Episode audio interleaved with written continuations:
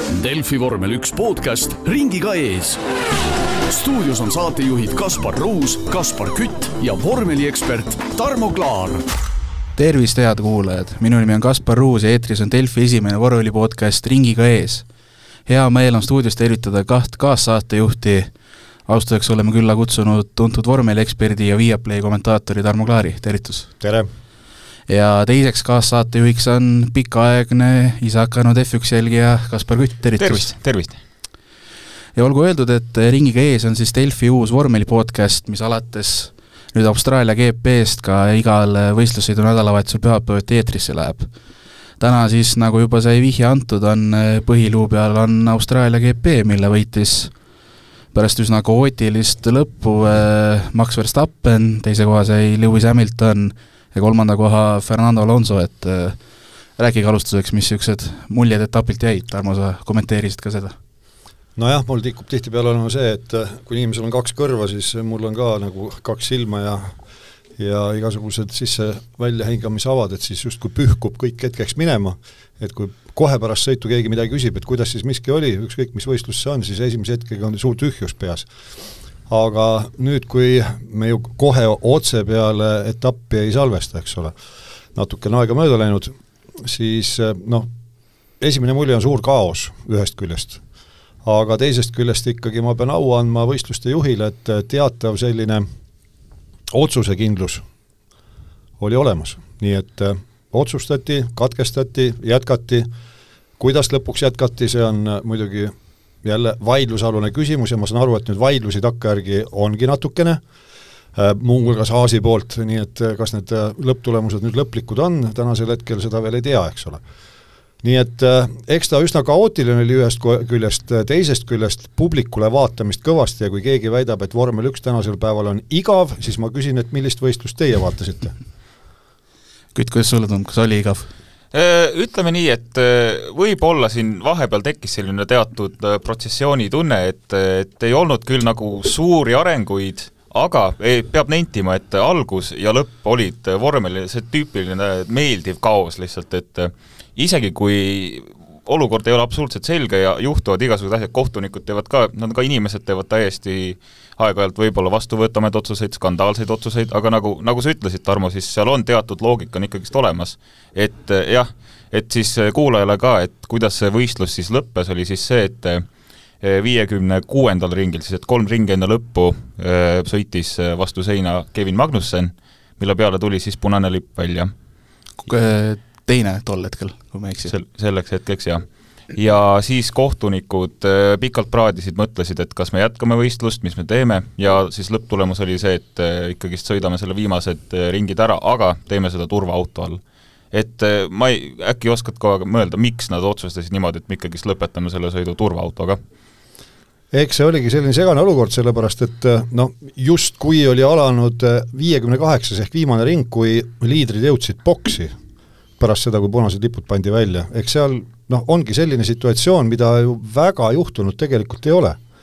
ja ma siin, enne kui nüüd siia stuudiosse tulin, põgusalt jõudsin vaadata veel äh, võistlusmäärustikku ka, kuigivõrd niimoodi veerand silmaga, siis äh, ega noh, lõppkokkuvõttes, et äh, see ongi selle võistluste juhi otsus, mismoodi võistlust jätkatakse siis.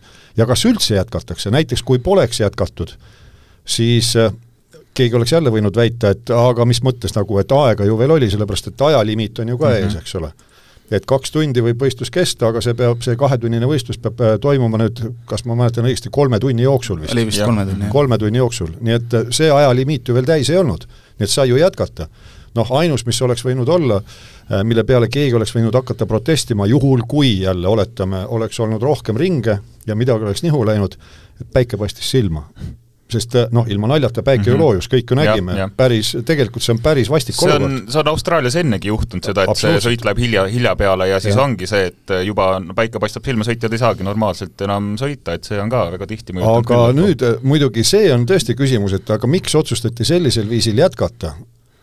sellepärast, et kui nüüd võistlust ei oleks jätkatud, siis oleks rakendunud see võistlusmäärustiku punkt, mis näeb ette, et äh, võistlustulemused arvestatakse äh, eelviimasest ringist, sellest hetkest, kui tulid punased lipud välja. no siin nii mõnelgi oleks olnud võita tegelikult mm. -hmm. kui oleks niimoodi läinud. Hülkenberg neljas ja mis seal oli, et no kas seal oli Hülkenberg isegi sel... ju Yuki Tsunoda oli väga ja, ja, aga Hülken. Hülkenberg tol hetkel ju täisringi veel neljas ei ole, Ei ei olnud, ei olnud, ei olnud. siin on jälle, reeglites on nii palju nüansse, et näiteks kui võistlus katkestatakse ja siis äh, peab võistlust uuesti, või otsu-, mis peab, otsustatakse, et saab jätkata, siis äh, millist äh, järjestust arvestada?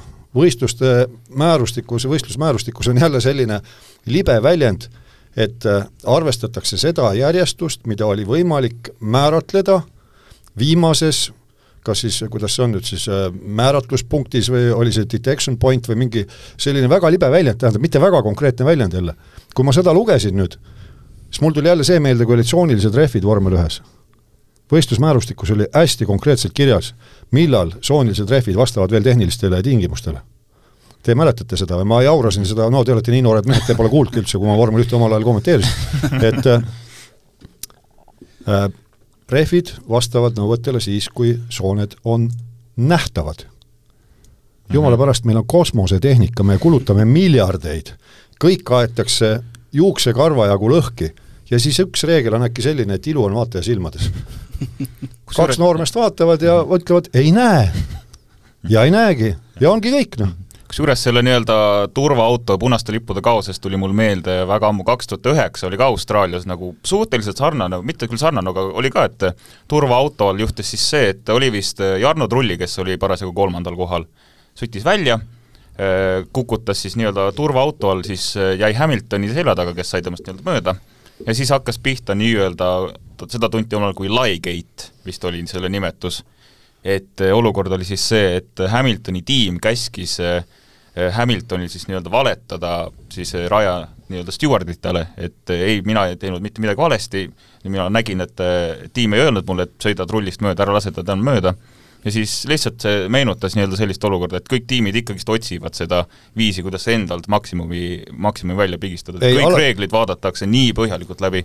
absoluutselt ja, Ja. ja, kui on vähegi segane sõnastus, siis ja. seda püütakse ja seda nägime, enda kasuks seda nägime ka just viimasel etapil, kui Alonso, Fernando Alonso ikkagist hoidis oma kolmandat kohta tänu sellele, et Aston Martin siis leidis vist eh, seitse nii-öelda analoogset olukorda, kus siis keegi on autot puutunud või nagu väga lähedal olnud sellele, kui serveeritakse seda nii viie, viie sekundi penaltit ja esitasid ära ja saidki kolmanda koha tagasi, nii et eh, ega me ka praegu ei saa öelda veel, kas me vaatame lõplikku tulemusi või alles muutub midagi. just sellepärast, et Haas näiteks on, ma saan aru, siis vist lausa ametliku protesti jah, nüüd protesti, jah. et eh, mis mõttes nagu pidi kordusstardis olema Hülkenberg seitsmendal kohal, et ta oli ju neljas mm. -hmm. nüüd ongi küsimus, et aga kus see, võistlus ju Jah. katkestati, eks ole Just., kus see esimene eh, punkt nüüd oli, kus sai määratleda järjestust, see jutt ei ole seal reeglites täisringist. võta nüüd kinni Jah. ja ei ole sõnastus korrektne. ja ega kui äh, Carlos Sainz ja Alonso kokku põrkasid ja Alonso nii-öelda vahepeal siis nii-öelda üheteistkümnes oli, ega ta oli seal ise ka ju üsna püha vea täis, ajas seal oma inse-, siis treeneri või inseneriga juttu, et, et äh, aga noh, sai lõpuks oma koha tagasi ja praeguseks, praeguseks, praeguseks, jah, kes see teab. praeguseks, jah. no aga ütleme nii, et kui see lõpp välja jätta, siis iseenesest no põhimõtteliselt ikkagi oli Max Verstappen liikus kindla võidu suunas, et, et kui ta kaheteistkümnendal ringil Hamiltonist mööda sai, siis pärast seda ega väga midagi nii-öelda sõiduliselt ei oleks tema võitu vist vääratanud. Ega ilmselt mitte jah, need äh, kaks starti, mis ta paigalt starti tegi ja mis ebaõnnestusid, need olid mulle mõningal määral üllatavad ja, ja veel üllatavam oli see, kui ta seal võistlusjärgses äh, intervjuus ütles, et ta võttis alguses ettevaatel, ettevaatlikult, sellepärast et nii palju on kaalul.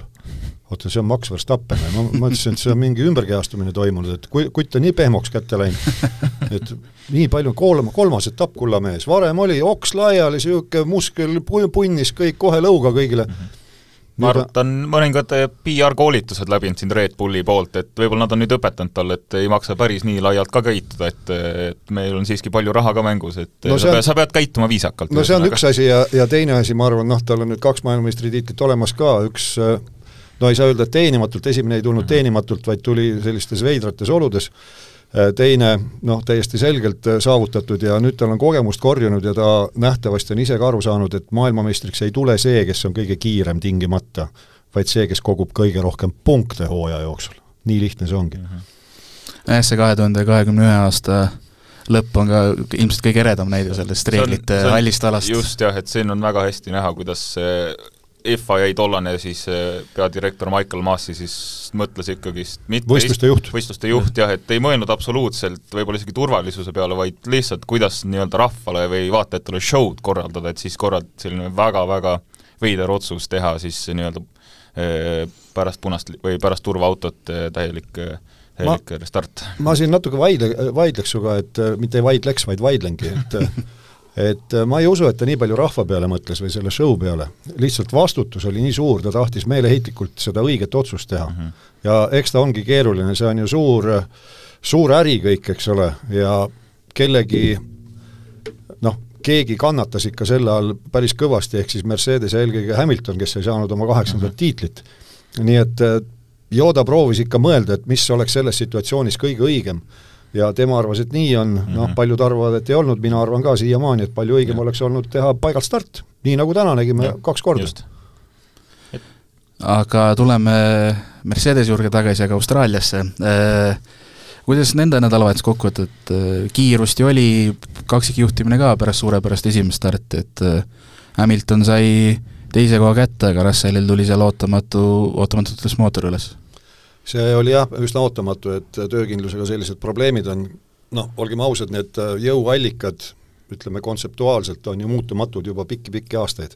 et teist aastat on see muu šassii osa nii-öelda, on äh, uute tehniliste tingimuste järgi, aga jõuallikas on aastast kaks tuhat neliteist arendatud ja, ja üsna töökindlaks saadud, see oli üllatav ühest küljest, teisest küljest jällegi äh, Mercedese selline konkurentsivõime äh, võrdluses noh, eelkõige Aston Martiniga ütleme ja Ferrari'ga, see näitab jälle seda, et ega andekad inimesed on tööl Mercedeses eh, inseneride näol, et kui on mingisugune probleem, siis ikkagi harjatakse äh,, haaratakse härjal sarvist ja ja hakatakse seda lahendama, mitte ei loeta ajalehti nii palju, kui seal ühes punases meeskonnas, kus kõik mõtlevad, et mida meist mõeldakse, nii nagu eestlased tikuvad mõtlema, kui näevad loomaaias elevanti, et kui, mis elevant meist mõtleb see, see areng on täiesti tegelikult meeletult kiire, isegi eelmine aasta oli täpselt sama näide, et eh, no Mercedes oli täiesti kindlalt kolmas parim tiim, et siin ei olnud nagu, meil ei olnud mitte mingit konkurentsivõimet, aga oli juba no nad näitasid juba stabiilsusega, said ikkagist neid poodiumi kätte.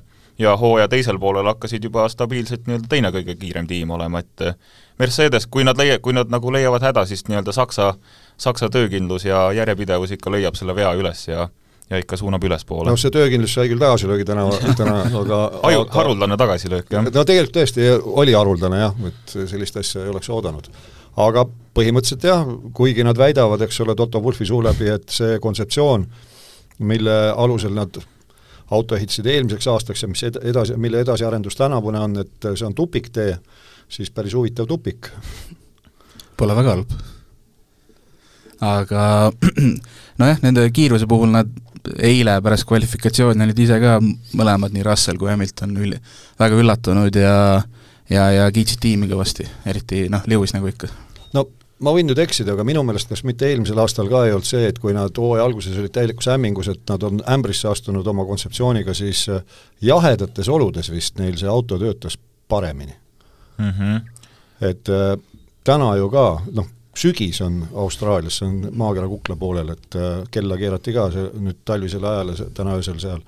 et äh, oligi ju, kui mõtleme selle peale, kus tavaliselt peetakse maailmameistrivõistluste etappe, siis need olid ikka väga-väga külmad olud lausa, alla kahekümne kraadi oli õhutemperatuur ju ja, ja asfalt oli mm -hmm. sutsu pealt kolmekümne, et see ei ole väga tavapärane vormel üks keskkond. Äh, lõpp ju venis üsna õhtusse ka, jah ja aga stabiilsusest eh, sai juba räägitud, eh, Fernando Alonso, kolm etappi, kolm kolmandat kohta ja Lance Strollilt ka täna neljas koht, et väga kõvad punktid Aston Martinile. ja kõige hämmastav ongi see, et juba siin nende esimese kolme etapiga ongi Aston Martin kogunud rohkem punkte kui terve möödunud hooaja peale kokku, et see areng nii-öelda täiesti noh, mis nad olid vist kuues eelmine hooaeg või seitsmes, no ühesõnaga väga-väga keskväljatiim ja see hooaeg nad on konkreetselt no väga stabiilselt olnudki teine kõige parem meeskond ja noh, Alonso ei tee, noh põhimõtteliselt ei, ei, ei suudagi eksida, et ta on nii vana meister juba, et tal on raske midagi valesti astuda praegu, vähemalt tundub,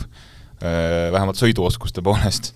ja Lance Stroll on ju ka väga-väga tublisti see hooaeg esinenud, et äh, tuleb meeles pidada, et alles kuu aega tagasi oli tal käed kipsis ja ja ranne murtud, aga ikkagist on siin noh, ütleme nii, et äh, ei ole üldse kaugel Alonsost no ega Stroll ei olegi kehv sõitja kunagi mm -hmm. olnud, just täpselt, millest siin juttu on olnud, et stabiilsus, see on tal na-, natukene selline kõikuv olnud, aga noh, Alonso ei väsi mind ka ime, nagu üllatamast, et noh, mina olen tema kõrval vanamees, aga tema ütleme, tippspordi mõistes on ju ka vanur tegelikult, et mm -hmm. pealt neljakümne võiks nagu ilusasti seal meeldivate asjadega tegeleda, aga tundub, et see ongi talle meeldiv asi, millega tegeleda ja kui auto on konkurentsivõimeline, siis ta sõidab, et selles suhtes mehel on ikkagi uskumatu motivatsioon ja ega need oskused ei kao kuhugi, küsimus ongi pigem, pigem selles, et kas sa viitsid või ei viitsi mm. -hmm et kas sa leiad selle viitsimise, ehk siis kaasaegses keeles motivatsiooni või sa ei leia seda. aga mis te arvate, tuleb etapivõitja hooaeg talle või? Väga võimalik on tegelikult, vaadates seda, mis äh, kõik võib juhtuda, et äh, nii nagu kadunud Marry Walker ütles äh, omal ajal, et vormel ühes võib kõike juhtuda, juhtuda ja tavaliselt juhtubki. no potentsiaalne kindlasti, mis mulle endale tema puhul meeldib, et nagu sa mainisid, just see motivatsiooni asi, et kui vaadata neid tema intervjuusid, neid tiimiraadioid, et seal on see, selles mõttes on ka üsna särtsakas, et tal meeldib ka vahepeal ka seal natuke konkurente töötada, et niisugune niisugune äge nagu niisugune tuli on temas sees. ja see hooaeg on see nagu eriti välja paistnud, et ta on nagu rõõmus, ta on lihtsalt nagu, ongi lihtsalt särav energiast, kui teda kuulata ja vaadata, siis sellist, sellist Alonsot ei ole ikka pikalt nähtud, et äh, ma ei tea, kas Ferrari algusaegadel oli veel tal natukenegi niisugust sära sees, et äh, nüüd ta on täiesti nii-öelda uus inimene. no ja hea küll, kõik sõltub sellest, eks ole, mida meile suvatsetakse lasta seal eetris, aga nagu eelmisel etapil oli kuulda, et Alonso kiidab võistkonda, mitte iroon-, mitte ei ütle midagi irooniliselt, vaid kiidabki. no see on midagi enneolematut. see on sama enneolematu, nagu Verstappen täna ütleb, et ma võtsin ettevaatlikult alguses, sellepärast et nii palju on kaalul. noh, kogenuma mehega praegu pinged ka maas, ega ta ju midagi tõestama ei pea kellelegi. Äh, Ferrari, kui nüüd minna tiimide arvestuses neljandal kohal olevale eh, tiimi juurde siis eh, null punkti täna, Leclerc'il lõppes juba avaringil sõit ära ja Carlos Sainz tegelikult hoidis, hoidis kuni lõpuni, ütleme, neljandast kohast kinni, aga see viiesekundiline ajakaristus kukutas ta lõpuks kaheteistkümnendaks. noh, see oli selline õnnetu lugu jah, et ta tähendab, et see võistlus lõppes nii, nagu ta võistlus, nagu ta lõppes, sellepärast ta siis kukkus nii kaugele punktidelt välja ja noh, Leclerc'il lihtsalt äh, tavaline esimese ringi õnnetus. et ega seal kedagi otseselt süüdistada oli raske, et võib öelda, et ta justkui keeras peale, aga noh, samas äh, konkurendile, kes see seal oli mul Stroll oli tema Stroll jah, va vaesel mhm. Strollil ei olnud ka mitte mm -hmm, kuhugi minna just. tegelikult, et see oli selline hästi, hästi tüüpiline esimese ringi õnnetus, kahju muidugi. aga mis te arvate, kas Sainzi penalti oli õigustatud või oli natuke liiast? No nende, nende karistustega alati on nii ja naa, aga selge on see, et äh, Sainz ju eksis tegelikult. Mm. -hmm, seal ei olnud ju mingit küsimustki, et äh, ütleme, kui muidu me teame, et Alonso on ka väga agressiivne sõitja, siis seal oli ju ruumi terve maa ilm et mm -hmm. Sainz lihtsalt sõitis tal tagarattasse. siin ongi see küsimus, et noh, tavaliselt selliseid esimese ringi õnnestusi vaadatakse natuke leebemalt, aga nagu sa ütlesid jah, et siis no, oli väga selge nagu Sainzi eksimus, et, et jah, et ta ei saa nagu, nagu ta raadios ka väga palju, nii et põhimõtteliselt juba pisarate äärel oli seal, et palun ärge andke mulle penaltit. Äh, jah, üllatavalt kuidagi nukker mm -hmm. oli või nagu ja. ei olegi kuulnud, et niimoodi palun öeldakse mingi seitse korda järjest, et ärge andke seda viit sekundit. no eks ta vaene mees on ka võib-olla natukene seal juuksekarva otsas Ferraris, sellepärast et noh, meenutame kas või eelmine aasta ise ta ennem tänavust äh, Austraalia etappi ütles, et eelmine aasta ta tegi seal palju vigu, äh, tahtis heastada sõidu sees eelnevalt tehtud vigu ja selle otsa tulid järgmised vead ja, ja lõpuks noh, tulemust ei olnudki mm. -hmm et täna, tänavu siis kahjuks sama lugu. et esimene hooaeg, kui Sainz oli Ferraris kaks tuhat kakskümmend üks, siis me rääkisime küll, et, et väga stabiilselt esineb ja, ja oligi üsnagi stabiilne, aga kohe, kui nii-öelda, nii päris nagu Äh, tiitliheitlusesse sekkuti Ferraris, vähemalt nii-öelda alguses, siis ei olnud Sainzil üldse seda materjali, et Leclerc'ile vastu hakata. no tundub niimoodi jah, et tal see viimane miski jääb puudu, et seal teravas tipus äh, saavadki pikalt olla, olla need, kellel kuidagi see äh, vaim on noh, kuidagi, no ongi tugevam, lihtsalt ongi tugevam, et sa suudad keskenduda oma asjale ja sa ei lase ennast teistest häirida ja ja just sel viisil ei saa häirida, et kui midagi nüüd läheks äh, natukene viltu, et sa siis kaotad pea ja sa tahad iga hinna eest kohe järgi te-, tasa teha. et tundub, et Sainz natukene selline vend on, et paiguti tundub, et ta saab väga hästi hakkama ja siis, kui on kriitiline olukord, siis tik-, tikuvad just sellised mm -hmm. vead tulema. ja noh, tema õnneks või õnnetuseks on ta Ferraris, kus kipub neid tagasilööke kas enda või tiimi poolt või neid kipub nagu väga tihti tulema, et no kõige hullem ongi see paraku, et kui võistkonna poolt on tagasilöögid nagu ma siin vabatreeninguid tunnistan pattu, kuulan siin rahvusvahelisest kanalist, siin ei ole ka vast sobilik öelda, ütleme siis niimoodi, et vormel üks ametlikust kanalist siis Julian Palmer Äh, meenutas seda, kui vaatas neid äh, Perese ekskursioone siin äh, turvaväljadel eile, et talle tuli kangesti meelde tema enda aeg Renault's, ta siis teatavasti pea, oligi kaks täishooaega või sõits, sõits Renault's, Jolien Palmer, ja ütles, et ühel etapil äh, jäägu see sinna, kaevatagu siis seda etappi, millal ta oli, kaevatagu välja, mitte et kellegi peale. et äh, ta reedel tegi avarii, võistkond ehitas auto üles ja ülejäänud nädalavahetuse auto oli juhitamatu peaaegu, väga heidralt käitus. noh, mehaanikud ja võistlusinsenerid ütlesid umbes niimoodi, et noh, lõuad pidada edasi teenida, et sõida, ära seleta siin, kõik on korras. ja siis, kui võistlusnädalavahetus sai läbi ja noh, autod võetakse ju lahti, et järgmisesse kohta neid viia ja kontrollitakse üle, et kõik oleks ikka korras ja siis selgus, et tagumine stabilisaator oli kinni keeramata ja, ja oligi, lihtsalt oli unustatud ja keegi ei suvatsenud ka seda igaks juhuks üle kontrollida, et kas noh, kui ta kurdab, et auto käitub kuidagi imelikult, et äkki siis midagi võiks olla tõesti lahti kuskilt või või katki või ei. ja takkajärgi, kes enam mäletab, kõik mäletavad, et Palmer ei saanud sel võistlusel hakkama mm. -hmm. aga tegelikult ei olnud üldse tema süü. et sama näiteks võtame selle Perezi nüüd äh, eile, noh tegelikult äh, ilmselgelt ei olnud tema süü sellepärast kui vaatame, mismoodi ta täna edenes, siis ei olnud ju ühest küljest häda midagi nagu. ja piduritega probleeme ei olnud.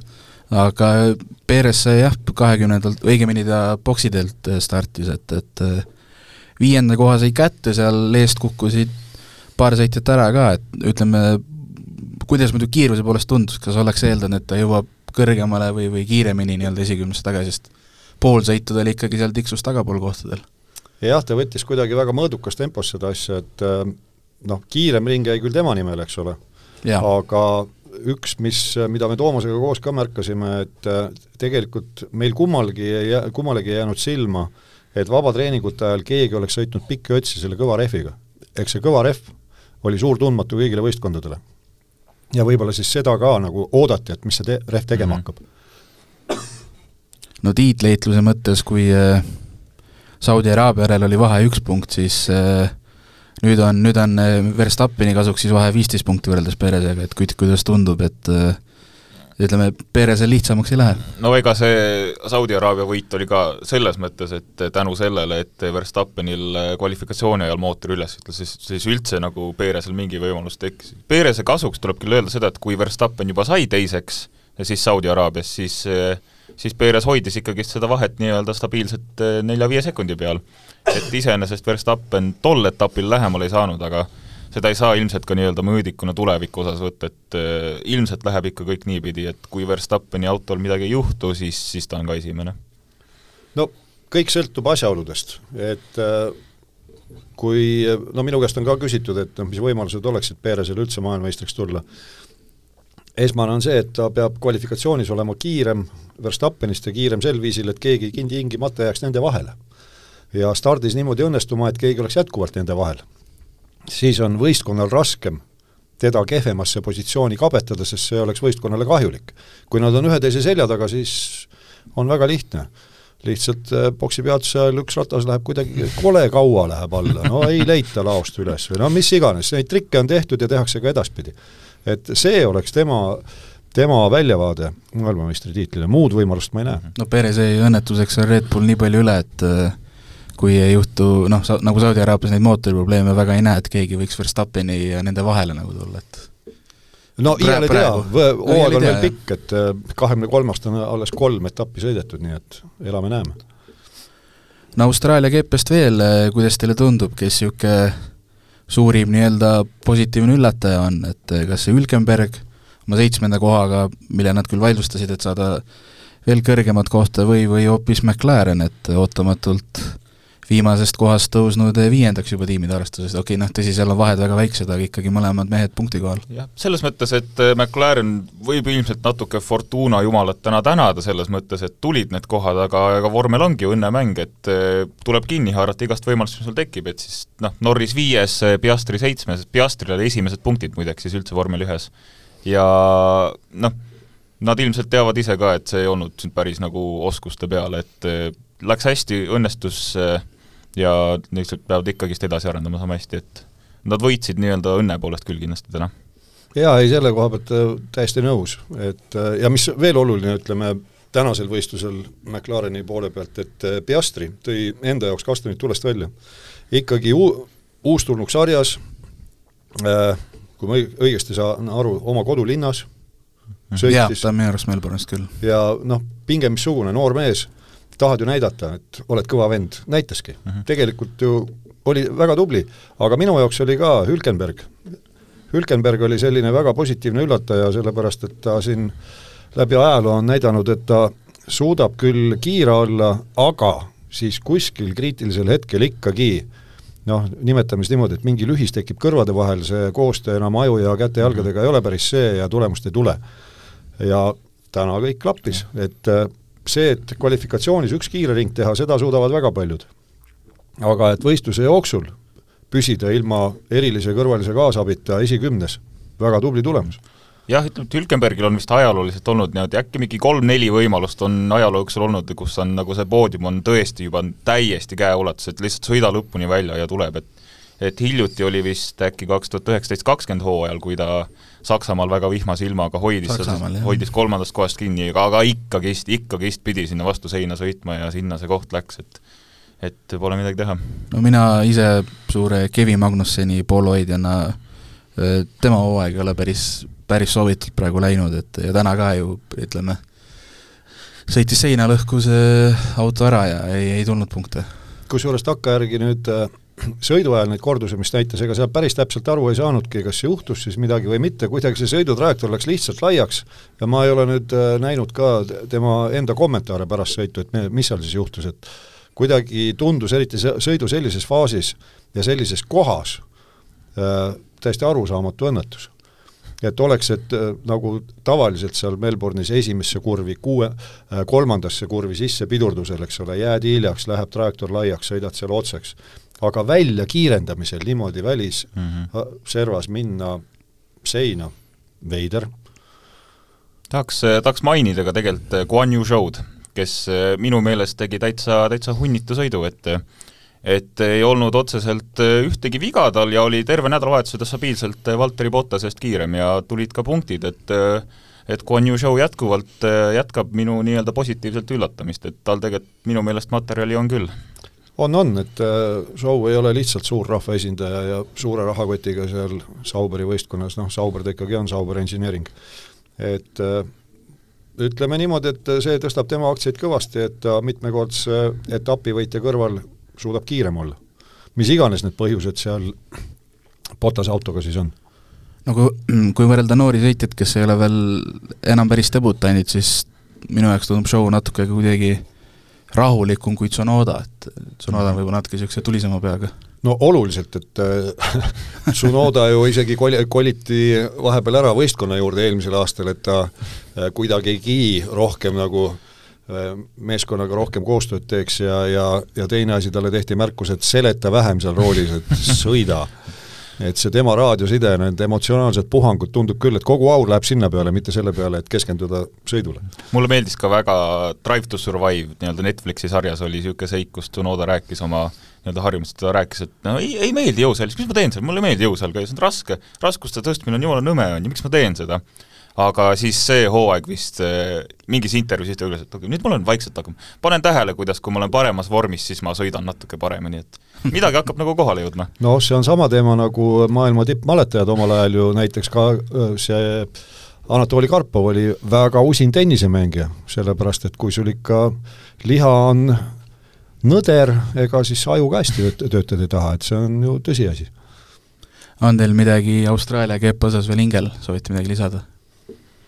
Ei, lihtsalt kahju, et äh, Leclerc kohe seal alguses niimoodi raja kõrvale jäi, et äh, seda küll noh, seda ei oodanud ja ei tahtnud ja ole, oleks tahtnud näha sel-, sellist ägedat võidusõitu ja, ja just, et milleks tema võimeline on, nagu enne rääkisime, et Sainz paraku tikub ära kukkuma seal võistluse sees, aga Leclerc on selline kõvem käbi.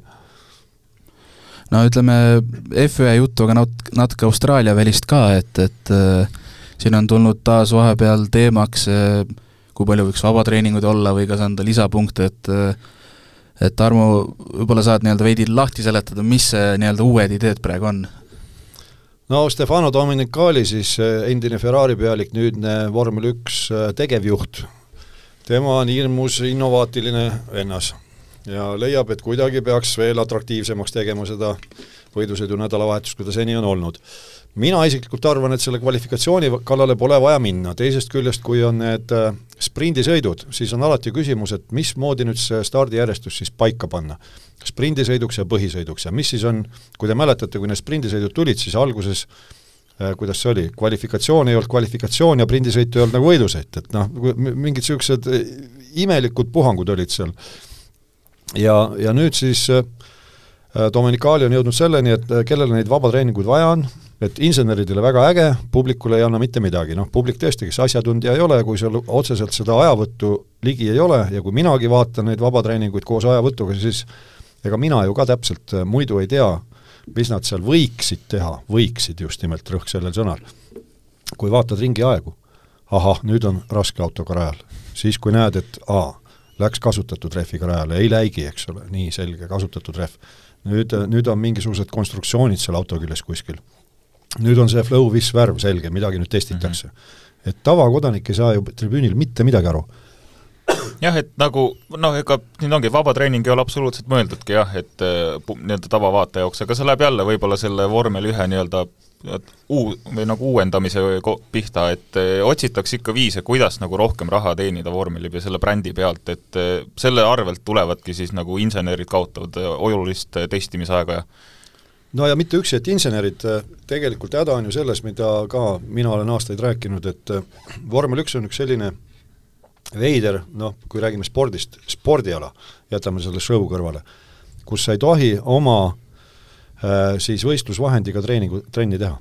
et ma ikka toon korvpalli näite, et inimesed saavad korvpallist aru, kõik on kehalise tunnis kossu mänginud, et kujutage nüüd ette, et te olete ka kuskil korvpallivõistkonnas, aga te ei tohi korvpalliväljakul korvpalliga treenida ja õigel kõrgusel ei tohi korv ka olla. ei, võite treenida, aga näiteks tennispalliga ja toas. või siis äärmisel juhul võite treenida tennispalliga ja poole korvpalliväljaku peal. rohkem ei tohi. ja vormel ühes täpselt niimoodi ongi, et vormel üks autoga ju tegelikult treenida ei saa. keelatud mm. -hmm kummaline. ja siis on häda, miks võib-olla mõni noor sõitja kohe hakkama ei saa. just, et äh, keegi noor sõitja palgatakse, alamastme sarjades on vinge vend olnud mm -hmm. ja nüüd äkki ei saa hakkama, aga kuidas ta peaks hakkama saama, huvitav. ma võin ka kõrvalt vaadata, no kuidas keegi maalikunstnik maalib ja keegi näitleja näitleb hullult olen vaadanud, no mis see on siis, jube lihtne. ei ole üllatus, et eh, Lewis Hamilton kohe kolmanda sai, kui ta, kui ta alustas karjääri, kui ta oli mitukümmend tuhat miili kilomeetrit endale, endale enne juba kaks tuhat või eelnevate autodega juba testinud, et väga, ilmselgelt sa saad hakkama, kui sul väga õige märkus sinu poolt, et mina olen just täpselt seda näidet toonudki, et tema on, minu teada on viimane selle põlvkonna esindaja, kes sai, nagu mina tavatsen öelda, seedehäireteni testida ennem, kui ta sai võistlema vormel üks mm -hmm. autoga, reaalselt reaalselt ja. testiski ja testis äh, äh, siis kaasaegse vormel üks autoga mm. -hmm. tänasel päeval on nõue selline, et äh, noh, nüüd kui tulid need uue põlvkonna autod eelmisel aastal, siis oli küll see erand, et võis eelmise aut-, aasta autoga testida, sellepärast et noh, see oli lihtsalt äh, radikaalselt teine auto. aga nüüd kehtib jätkuvalt minu teada see reegel, et kaks aastat vana autoga võid testida, see on üks asi, teine asi äh,, nende nii-öelda demorehvidega mitte nende rehvidega, millega võistluse nädalavahetusel mm -hmm. sõidetakse. et äh, kui kellelgi raha on, nagu Strolli-papal oli, siis jah, poissi sõidutakse, sõidutatakse üle maailma erinevatel radadel, et ta eelkõige siis õpiks neid radu tundma ja äh, nagu tööprotseduure vormel üks võistkonnas. aga seda õiget tunnetust ikkagi sa ei saa mm. -hmm jah, et äh, nagu Fernando Alonsogi, tegelikult tal on väga huvitav niisugune karjääri algusest oli, et ta tegi ju kaks tuhat üks tegi Minardis küll hooaja, aga terve terve järgmise hooaega, hooaja ta veetis, veetiski puhtalt autot testides. et võeti Renault'sse nii-öelda testisõitjaks ja terve kaks tuhat kaks hooaega veetis terve aja, tegi teste, sõitis ringi ja siis oli, oli alles nagu niimoodi põhimõtteliselt valmis hooajaks. no just täpselt, et äh, kui mahti on kellelgi või viitsimist, võtke mhm. Marko Asmeriga ühendust, Marko Asmer oli ju samamoodi BMW Sauber F1 võistkonna äh, testsõitja ja oi kui palju ta testis sellesama autoga, millega sõitsid Kubica ja Heidfeld ta tegi erinevatel radadel, muuhulga, muuhulgas siis äh, üks on Prantsusmaal Mira, Miramassi testirada, kus saab igasuguseid asju proovida. ja see oli see aeg, kui sai tohutult sõita ja kahju muidugi, et tuli see masu peale ja oleks meie Marko ka vormel ühes olnud, aga see selleks. et need olid sellised ajad. nüüd on ainult arvutisimulatsioonid ja küsimus on siis selles, et äh, kui hästi suudab võistkond oma need arvutiprogrammid kirjutada siis nimetame niimoodi, kui tõele lähedased nad on ja teine asi, nendes äh, siis, mis ta on, et simulaatorites, kui hästi suudetakse jäljendada tegelikke olusid. üks, mida on väga raske jäljendada, on needsamad äh, G-jõud, kesktõmbekiirendus mm. -hmm. see on väga keeruline. ja kes meil, äh, kui rääkida siin äh, nii-öelda vormelimaailmas karjääriredelil tõusmisest ja testimisest kõigest, et kes meil äh, ka sel nädalal Melbourne'is võistlustules oli, et äh, Paul Aron äh, sprindisõidus kolmas koht, põhisõidus kuues koht, kusjuures mõlemal korral, mõlema sõidu järgselt ta tõusis, äh, lõpetas algselt neljanda ja seitsmendana, aga kuna ees said konkurendid karistada, siis tõusis ise koha võrra ja sai kiirelt oma esimese poodiumi F3 sarjas kätte.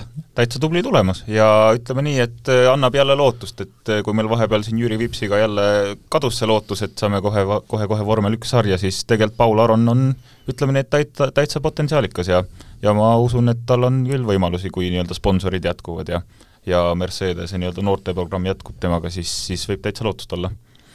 võib, aga kuna ta on nii väikse rahva esindaja, siis ta tulemused peavad olema oluliselt paremad, kui on suurrahva esindajatel, et suurt turgu meil taga ei ole, et Ferrarisid Eestis väga niimoodi ei müü. et see on see kurb tõsiasi, aga teisipidi jälle, kui vaadata, et mis sarjas ta sõidab ja keegi vaatab, et no mida imet, et noh, kuues, et mis te siin kilkate nüüd siis, et ei ole nagu midagi, siis äh, paljud ei tea seda, et äh, FIA vormel kolm sarjas äh, on äh, kõigil võistkondadel kohustus välja panna kolm autot, mis tähendab seda, et kümme võistkonda, kolmkümmend autot on rajal.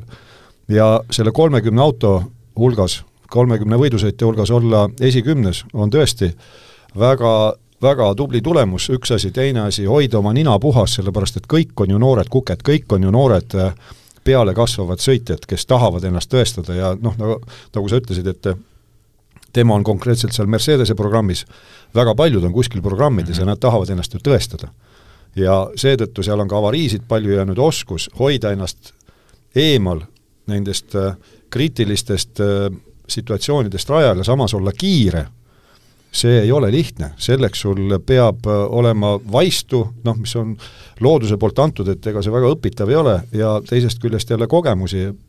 Peab korjama alamastme sarjadest ja sellist kuidas öelda, järeleandmust, andmatust peab olema, et et sa hoiad oma kohta ja samas, et sa jälle lolle otsuseid ei tee, nii et äh, selle koha pealt praegu mina ütlen, et äh, nende, palju siis neil on olnud nüüd kaks võistlusnädalavahetust, nende peale ma ütleks küll, et Aron on äh, no rahuldavalt hakkama saanud, et esimesel etapil Bahreinis ma vaatasin, et, et kordustardid, need tikkusid tal käest ära minema. aga üldiselt, et praegu kõik hästi, et ta sõidab tippvõistkonnas Prema, ja noh, nagu tänagi, ta oli ja, ja ka siis äh, eile, ta oli ju Prema võistkonna sees teine mees ja ta ei olnud sugugi kaugel oma võistkonna esimesest mehest, nii et äh, kõik kolm on tugevad seal, et seal ei saa ühtegi piimameest ka nagu esile tuua, tuua, et kes on eriti aeglane, nii et ta on tugevas võistkonnas, tugevad võistkonnakaaslased ja, ja siiamaani on kõik hästi, nad enam-vähem kolmekesi on seal kogu aeg pundis ja senise nelja sõidu peale, mis siis kahe etapi peal olnud on, äh, kolm korda esikuuikus olnud. korra, korra oli siis Bahreini põhisõidus kaheteistkümnes. aga F3-l tuleb nüüd äh, pikem paus taas, kui ma ei eksi, kakskümmend ja kakskümmend üks mai Imolas alles. jah, paraku küll, aga noh, loodetavasti vahepeal seal Paul teeb äh, salatrenni kardiga näiteks, mida, mida ta varemgi teinud on, on ta siinsamas omal Äh, oma radadel käinud et äh, ise teda näinud seal katsetiga kätt soojas hoidmas, noh katsetiga miks, see on siis see kuuekäiguline äh, kuuekäigulise mootoriga saja kahekümne viiene kart, kus on samamoodi paigalt stardid. Ja kes neid on kõrvalt näinud, siis seal nagu vormel üks piloodid ise ütlevad, et miks see on väga hea selline treeningvahend, kuna vormel ühega treenida või, ja teistele vormelisõitjatele ka hea treeningvahel, vahend, sellepärast et reaalajas toimub nii palju, mis on võrreldav vormel ühega, et kui need poisid, kes näiteks on läinud või ka tüdrukud on läinud äh, kaardist vormelirooli, vormel nelja, vormel kolme rooli, siis ütlevad, et noh, seal on sirgel nii palju aega, et vahepeal loe ajalehte. et kaardis mitte kunagi niimoodi ei ole, seal kogu aeg käed-jalad on tööd täis, midagi käib, midagi toimub ja vormel ühes ükskord jälle on midagi taolist, noh eeldatavasti ka vormel kahes. aga lühikokkuvõtte kuuldust on see, et äh, Paul on praegu heas seisus, aga hädasti on varsti võite vaja. tõsi, ta on esimest hooaega selles sarjas mm, -hmm. nii et äh, sellised eriti silmapaistvad, eriti andekad on tulnud, näinud ja võitnud, nagu tänarajal olnud Piastri näiteks mm. -hmm. jah aga pikk, pikk paus ootab ees ka vormel ühes, tõsi, õnneks mitte nii pikk kui F3-s, et äh, neljas etapp on siis aprilli lõpus alles, kolmekümnendal aprillil sõidetakse Bakuus, et F1-l on hea oskus ka vahepealsel ajal uudiseid uudiseid pakkuda, et mida, mida siin nüüd lähinädalatel või vahepealsetel nädalatel võiks veel oodata? no ilmselgelt on oodata seda, et milline see võistlus nädalavahetus siis välja hakkab nägema, keegi ei tea, täitsa müstika. etapp on tulemas, keegi ei tea, mis nädalavahetusel toimuma hakkab, sellepärast et ühtäkki tuli kodanik Dominikaalil või kellelgi veel helge ideed, aga äkki teeks äh, veel ühe kvalifikatsiooni. see meenutab mõneti ka Bernie Ecclestoni hiilgeaegu, et mis ta pakkus välja, et paneme nii-öelda veekraanid paneme radade äärde, et saaks vihma nii-öelda simuleerida. jah, sellepärast, et vihmaga sõidad on ju just, põnevad. just, või siis, et eh, muudame punktisüsteemi, et hakkame hoopis medaleid andma võitjatele ja kes enim medaleid saab hooaja peal, hoopis see on maailmameister. et noh, see on jälle niisugune vormel ühele omane kaos, et, et midagi, midagi nalja peab ikka vahepeal saama, et see ei ole päris nagu päris eh, igavaks ei saa ka lasta minna. no Verstappen oli ise üsna vihane ja ähvard-, rääkis, et see, sellega rikutakse nii-öelda F1 DNA-d, et kui tahetakse igale sõidule või sessioonile põnevust juurde anda, et siis võiks tegelikult teha neid vähem jällegi lihtsalt, et laupäev ja pühapäev toimuvad asjad, et jah, et kui selle võistlusnädalavahetuse formaadist, sellest formaadist rääkida, siis äh, mina pakuks välja, kui minult keegi küsiks ja keegi ei küsi ju. no me praegu küsime. meie küsime, jah. et äh, hea küll, jätke see, ütleme, põhisõitjatele üks vabatreening ära, aga andke see vabatreening noortele sõitjatele, et igal võistkonnal on kohustus, kohustus jooksutada esimesel vabatreeningul oma neid äh, arendussõitjaid või kuidas nad iganes neid nimetavad siis ja et kes nendel seal sõitjate akadeemias või, või sõitjate farmis, mis iganes nende nimetus on, andke neile tagumiktunde, andke neile aega ja, ja las nad siis testivad neid äh, igasuguseid uusi aerodünaamilisi elemente, mis iganes vedrustuse lahendusi, aga andke neile tagumiktunde, andke neile võimalus üldse äh, sõita ja kohaneda selle, selle kaasaegse vormel üks autoga. see oleks minu meelest selline noh, mõistlik lahendus aga tundub, et eh, selleks korraks eh, tõmbamegi saatele joone alla, et eh, esimene ringiga ees saade on selleks korraks läbi, aitäh, Tarmo, ja aitäh, Kaspar, aega leidmast ja saatesse tulemast! võetagu heaks! aitäh kutsumast! ja kohtume siis juba, juba või siis alles kuu lõpus, kolmkümmend aprill, kui Baku GP on sõidetud, mis iganes kujul seal siis asju toimetati ja eks siis oleme juba uue, uute vormelijuttudega tagasi, seniks aga kõike head! Delfi vormel üks podcast ringiga ees. stuudios on saatejuhid Kaspar Ruus, Kaspar Kütt ja vormeliekspert Tarmo Klaar